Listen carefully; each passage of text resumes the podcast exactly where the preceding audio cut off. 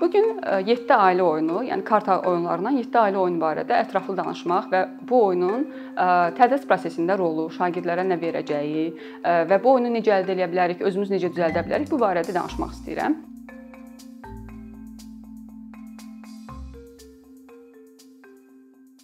7 ailə oyunu, yəni Jeux de cette famille orijinal adı, ilk dəfə 19-cu əsrin ortalarında İngiltərədə istifadə olunmağa başladı və elə yarandığı vaxtdan da tədris prosesində istifadə olunub. Yarandığı vaxtda bu oyun daha məhdud idi. Yəni oyunun mövzuları daha məhdud idi və ancaq peşələri əhatə eləyirdi. Lakin sonradan bu oyun başqa ərazilərdə də, ölkələrdə də yayılmağa başladı. Məsələn, Almaniyada, Avstriyada bu oyun oynanılır oynanmağa başladı. İngiltərədə oyun Happy Families, yəni xoşbəxt ailələr adı ilə oynanılırdısa, Avstraliya, Avstriyada, Almaniyada isə kvartet adı ilə daha çox məşhurlaşdı və Avstriyada və Almaniyadakı oyun digərindən bir qədər fərqlənirdi. Çünki orada əlavə mövzular istifadə olunmağa başladı. Peşə ilə yanaşı müxtəlif maşınlar, sonra ferma heyvanları da oyunlarda istifadə olunmağa başladı mövzu kimi. Lakin hələ də oyunçu sayı maksimal 4 olaraq qalırdı. 7 ailə oyunu, yəni Jeux de cette famille oyununu necə oynayırıq? Oyunun qaydalarına, orijinal qaydalarına görə oyunda 2 4 hətta bir qədər artıq 2-6 nəfər arası şagird ola bilər və oyun təxminən 20 dəqiqəni nəzərdə tutur. Lakin təbii ki, sonradan dəyişikliklər olmağa başladı. Mən özüm də bu dəyişiklikləri tətbiq eləməyə başladım və biz oyunçu sayını artırdıq hardasa 8 ideal oyunçu sayı 6-8 arasıdır. Çünki oyunçu sayı artdıkca oyunun oynama müddəti artmağa başlayır və artıq bu maraqsızlaşır bir qədər getdikcə və dərsdən yayınmaya aparıb çıxarır. Oyunu necə oynayırıq?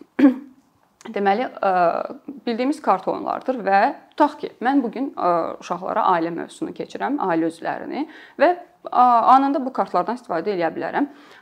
Oyunun orijinal oyunda 42 e, kart var və 42 kartdan 7 ailə adından da gördüyümüz 7 ailə olmalıdır. Məsələn, e, tutaq ki, rənglərlə ailə özləri bir yerdə e, göy ailə, mavi ailə, qırmızı ailə, sarı ailə, narıncı ailə və çəhrayı ailə. Məsələn, 7 rəng və onların hamısında nənə, baba, ata, ana bacı, qardaş bunlar olmalıdır. Və oldu 7 ailə, 6 üzv, ümumilikdə 42 kart və kartları qarışdıqdan sonra şagirdlər arasında bölürük. Tutaq ki, biz oynayırıq 6 nəfərlə.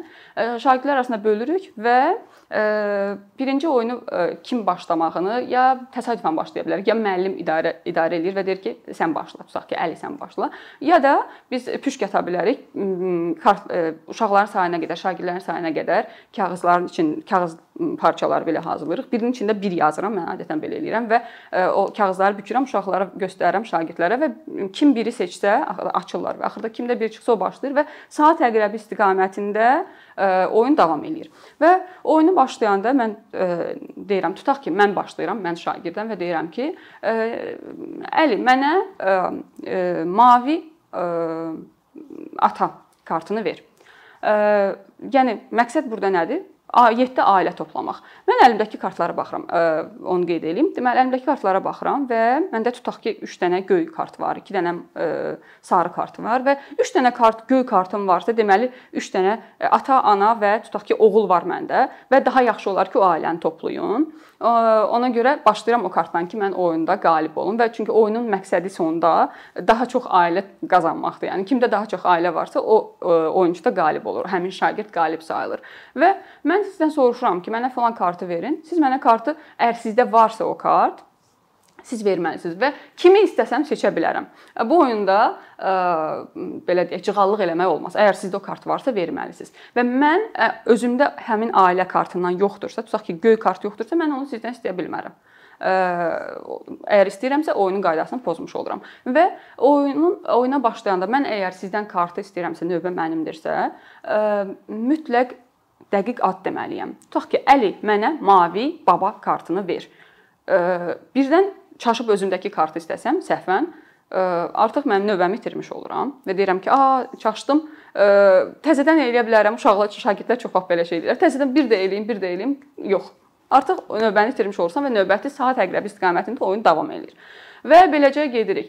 Növbə ilə mən əgər tapdımsa, tutaq ki, sizdə o kart varsa mən götürdümsə davam eləyirəm. Əgər tapa bilmədimsə məndən növbəti və beləcə oyun davam eləyir və axırda yenə deyirəm, kimdə ailə oldusa o kartları ortaya qoyur və axırda baxırıq. Kimdə ən çox ailə sayı varsa, o qalib hesab olunur.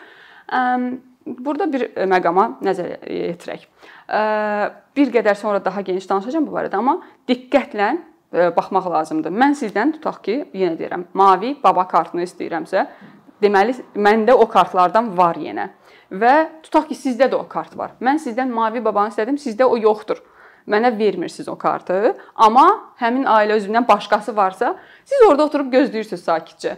Mən bir-bir hamıdan soruşuram, siz də baxırsınız, ah, deməli o biri şagirddə də yoxdur, onda da yoxdur. Mən yavaş-yavaş kartları toplayıram və sizdə biri var tutaq ki, həmin kartdan və siz ə, gözləyirsiniz orada, tamam başqa kartları istəyirsiniz. Heç güya ki sizdə bu kart yoxdur. Birdən mən 5-ini də 6 kartı toplayıram, 7 ailədir çünki. Biri də sizdədir. Siz o kartların hamısını bir-bir öz növbəniz olanda məndən götürüb asanlıqla qalib ola bilərsiniz.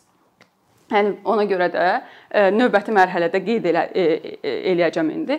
Bu şagirdlərə bu oyun nə verir? Gördüyümüz kimi diqqət və yaddaş. Uşaqlar, şagirdlər maksimum diqqətli olmalıdırlar və bu görünür ki, diqqət bacarıqlarını inkişaf elətdirir bu oyun. Və yaddaşı da inkişaf elətdirir, yaddaşı işlədir oyun ərzində. Çünki yəni yenə deyirəm, oyunda qalib olmaq istəyirsənsə, yadda saxlamalısan ki, kim hansı kartı istədi, kimdə hansı kart yoxdur və diqqət eləməlisən ki, kim kimdən nəyi götürdü. Əgər fikir vermədinsə, elə belə oturdun, istədin ki, udacaq, belə fikirləşsən ki, oyunda qalib olacaqsan, yox, qalib ola bilməyəcəksən. Hmm, görünür ki, yəni çox vacibdir bu diqqət və həmçinin yaddaş. Digər tərəfdən də mən kartı istəyirəm. Tutaq ki, mən tədris elədiyim dil fransız dilidir və mən fransız dilində sizə deyirəm. Əli, mənə filan kartı ver deyirəmsə, bunu fransızca deyirəm. Mütləq fransızca deməliyəm. Çünki dəqiq qayda qoymuşuq orada. Fransızca deməsəm, növbə növbə itirilir, növbəti şagirdə növbə keçir və o da deyir: "Məndə bu kart var" və yaxud da "Məndə bu kart yoxdur." deyir, deyir. Yəni o qədər bunu təkrar eləyirlər ki, artıq əzbərləyirlər və burada təkcə kart məsələsi yox, yerinə başqa şey də qoyub artıq növbəti dərslərdə istifadə etmək olar. Məsələn, məndə alma var, məndə alma yoxdur və s. Yəni dil bacarıqlarını da inkişaf elətdirir. Həm də ə, ə, bu bizə nə verir? Məsələn, biz öyrənirik ailə üzvlərini, heyvanları, şirniyyatları, istənilən hər hansı bir mövzunu, rəngləri, rəqəmləri, yəni istənilən mövzuda bu kartdan istifadə edə bilərik. Və ə, dərsin əvvəlində mən dərs təqdim elədim. Heyvan ə, heyvanları keçdik, tutaq ki, ev heyvanlarını keçdik və ə, istəyirəm ki, dərsdəcə uşaqlar bu mövzunu öyrənsinlər. Yəni evə istəmirəm uşaqlara yükləyim, şagirdlərə və istəyirəm öyrənsinlər. Dərhal sonra oyun kartlarını təqdim eləyirik. Əgər sinifdə şagird çoxdursa, məsələn 14 uşaqla mən ən çox oynamışam, ancaq o biraz maraqsız olur və 1 saata qədər çəkir oyun. Əgər sinifdə uşaq çoxdursa, qruplara bölüb müxtəlif iki qrup şəklində oynaya bilərik oyunu. Və oyundan dərhal sonra uşaqlar o sözləri elə əzbər öyrənirlər ki, heç vaxt yadlarından çıxmır. Yəni təcrübəmə əsasında bunu deyirəm. Kimlərlə, hansı yaş qrupu ilə oynaya bilərik? Orijinal oyunda qeyd olunur ki, oyunu 4 yaşından yuxarı şagirdlərlə oynamaq olar. Ancaq yenə təcrübəmə əsasında deyə bilərəm ki, 4 yaşlı, 4-6 yaş arası uşaqlara bu qədər də maraqlı olmur. Nəyə görə? E, e, yaşları kiçikdir və bir qədər daha uzun çəkir və çox diqqət kəsilməli olurlar, yaddaşlarını çox işlətməli olurlar və bu onları yorur. 10 dəqiqə oynaya bilərsən, 15 dəqiqə. Ondan artıq artıq görürsən ki, bezirlər, başlayırlar müxtəlif hərəkətlər eləməyə. Ona görə yaxşı olar ki, 7 yaşdan yuxarı uşaqlarla e, oynayaq bu oyunu. Bu oyunu biz necə əldə edə bilərik? Hardan əldə edə bilərik? Mənim belə bir sevimli saytım var, desimmoinhistoire.net. Belə bir saytdır. Mənə bir şəkil çək, təxminən deyim sizə açıqlamasını Bu saytdan fransız dilli bütün kartları əldə etmək olar. Bütün mövzular üzrə heyvanlar, ev əşyaları, sonra ailə üzvləri, rəqəmlər, rənglər, şirniyyatlar, ət, e, tutaq yəni bir müxtəlif mağazalar deyək də, şöbələr, mağazaların şöbələri, nə bilim, ətçilik və s. ilə bağlı hər cürü kart əldə etmək olar və mən hazırlamışam bunları. Bir neçə kartımda dostlarım sağ olsun mənə Fransadan göndəriblər. İngilis dilli kartları necə əldə edə bilərik? E, çünki daha çox bizdə ingilis dili tədris olunur. və yaxud da digər dillərdə. Biz kartları həmin o saytdan yükləyə bilərik və müxtəlif proqramlarda, hətta telefonda cürbəcür indi e, editor kimi proqramlar çıxıb və onların üzərində işləyib e, dildə sadəcə sözləri tədris olunan dildə yazıb şəkillərdən yenə istifadə edib kartı düzəldə bilərlər. Mən istəyirəm kartları da özümlə gətirmişəm. İstəyirəm o kartları göstərim ki, hansı kartlı və necə düzəldə bilərik. Deməli, bu kartlar mən açım sizə göstərim. Bunlar hazır kartlardır. Burada görürsüz arxası kartın arxa üzü, yəni heç nə görünmür. Yəni siz oradan işıqda belə baxsaz heç nə görə bilməyəcəksiniz. Bu bir üzündə bunlar heyvanlarla bağlı kartlardır. Məsələn, burada it, burada yazılıb kartın aşağısında ata, burada isə yazılıb it. Deməli bu it ailəsidir. Biz it ailəsindən ata, ana, baba, nənə, oğul, qız hamısını yığmalıyıq. Eləcə də digər heyvanlar burada var pişik, dovşan və s. və ilaxır. Yəni dediyim qayda ilə bu kartlardan istifadə edib heyvanları nəticədə öyrənirik, həm də ailə üzvlərini. Yəni iki mövzunu, yəni ailə üzvlərini keçmişiksə onu təkrar edirik, heyvanları yeni keçiriksə onu öyrənirik. Yaxud da əksinə, yaxud da ikisini bir yerdə öyrəniriksə, yenə çox ideal oyun kartlarıdır. Bu belə. Bu da digər mövzulardır. Həm ailə üzvləri, peşələr və s. Və bunlar hazır kartlardır gördüyünüz kimi. Bəs özümüz necə hazırlaya bilərik? Onları istəyirəm göstərim sizə. Bunlar ə, e, heyvanlarla bağlı kartlardır. Bunları mən özüm yükləmişəm saytdan və necə hazırlamışam. Ə, e, üstünü görürsüz laminat laminat laminasiya kağızıdır. İçində isə adi ağ kağızdır. Burada biraz mən ə, e, təcrübəsiz idim deyə ə, arxasına baxsaz oradan bəlkə də görürsüz. Görürsüz orada toyuq şəkli var. Ə, və yuxarıda da hansı ə, görürsüz bu ana Görürsüz burada ana daha tünd göstərilir. Deməli bu kart toyuq ana kartıdır. Ancaq belə eləməməliyik. Mən səhv eləmişəm. İstəyirəm ki, siz bu səhvi eləməyəsiniz. Digər kartlarda sizə göstərəcəm. Bu ə, fonetika ilə bağlı kartlardır. Burada da səhv eləmişəm. Bu da təcrübəsiz vaxtlarıma tuş gəlib. Ə, gördüyümüz kimi bu kartlar çoxdur. Yəni o 42 kart olmalıdır. Ancaq fransız dilində fonetika qaydaları çox geniş olduğuna görə bu biraz ə, sayı artıqdır və qruplarla oynaya bilərsiniz belə. Məsələn, burada hansı hərf necə tələffüz olunur göstərir. Bu ayaqqabı ayaqqabı ailəsidir və ü səsini və digər səsləri burada yəni fonetikaya aiddir, yenə deyirəm. Bir-bir istəyirik. Səndə filan səs, filan səs varmı? Tutaq ki, ayaqqabı ü, nə bilim, ayaqqabı ai və s. Bu da fonetika ilə bağlı kartlardır. Burada isə biz necə əslində düzəltməliyik, onu göstərim sizə. Bunlar mənim kəsdiyim rəngli kağızlardır. Mən bu şəkilləri görürsüz ailə üzvləri və kənarında rəngləri var. Məsələn, bunda baxaq görürsüz burada qırmızıdır, bunda bozdur. Müxtəlif ailələrdir, yenə rənglər və ailə. Mən bu rəngli kağızları kəsmişəm. Bunlardan biraz böyük ölçüdə ki, arxasına yapışdırım. Arxasına yapışdırıram ki, bəzi cığal şagirdlər olur ki, istəyirlər çox asan şəkildə oyunu utsunlar və sən kartını belə tutanda onlar arxadan baxırlar, "A, deməli səndə filan ailə var." Heç səslərini də çıxartmadan səndən o kart istəyir. Sən deyirsən, "A, hardan bildin mən bu kartı heç soruşmamışdım." Yəni ona görə belə hallar olmasın deyə rəngli kağızlardan ya da adi evinizdə nə varsa, karton, nə bilim müxtəlif aldığınız oyuncaqların kartonlarından falan bu oyun kartları boyda kəsirsiniz və arxasına yapışdırırsınız. Sonra nə edirsiniz? Bayaq göstərdiyim kimi bu yapışmış formasıdır. Görürsüz, arxasına yapışdırmışam. Bu da üstündəki kartdır.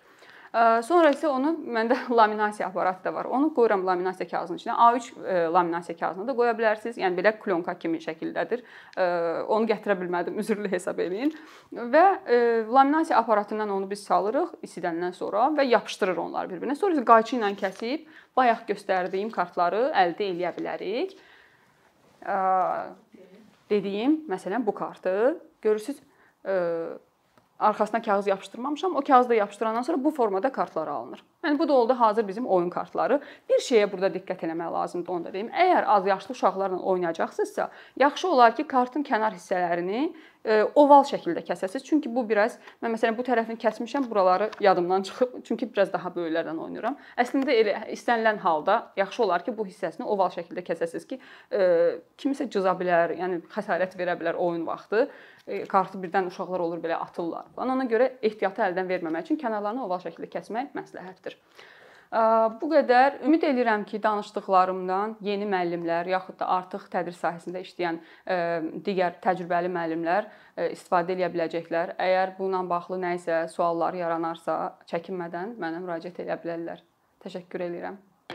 Əkinçinin yeni videoları haqqında məlumatlı olmaq üçün kanalımıza abunə olmağı və xəbərdarlıq funksiyasını aktivləşdirməyi unutmayın. İmkandan istifadə edərək cari patronlarımıza işlərimizi davam etməyə yardım olduqları üçün dərin təşəkkürümüzü bildiririk. Əkinçinin Patreon icmasının üzvü olaraq siz bizim təşəbbüsə dəstək göstərməklə bərabər hazırladığımız materialları hər kəsdən öncə izləmə imkanı əldə edəcəksiniz.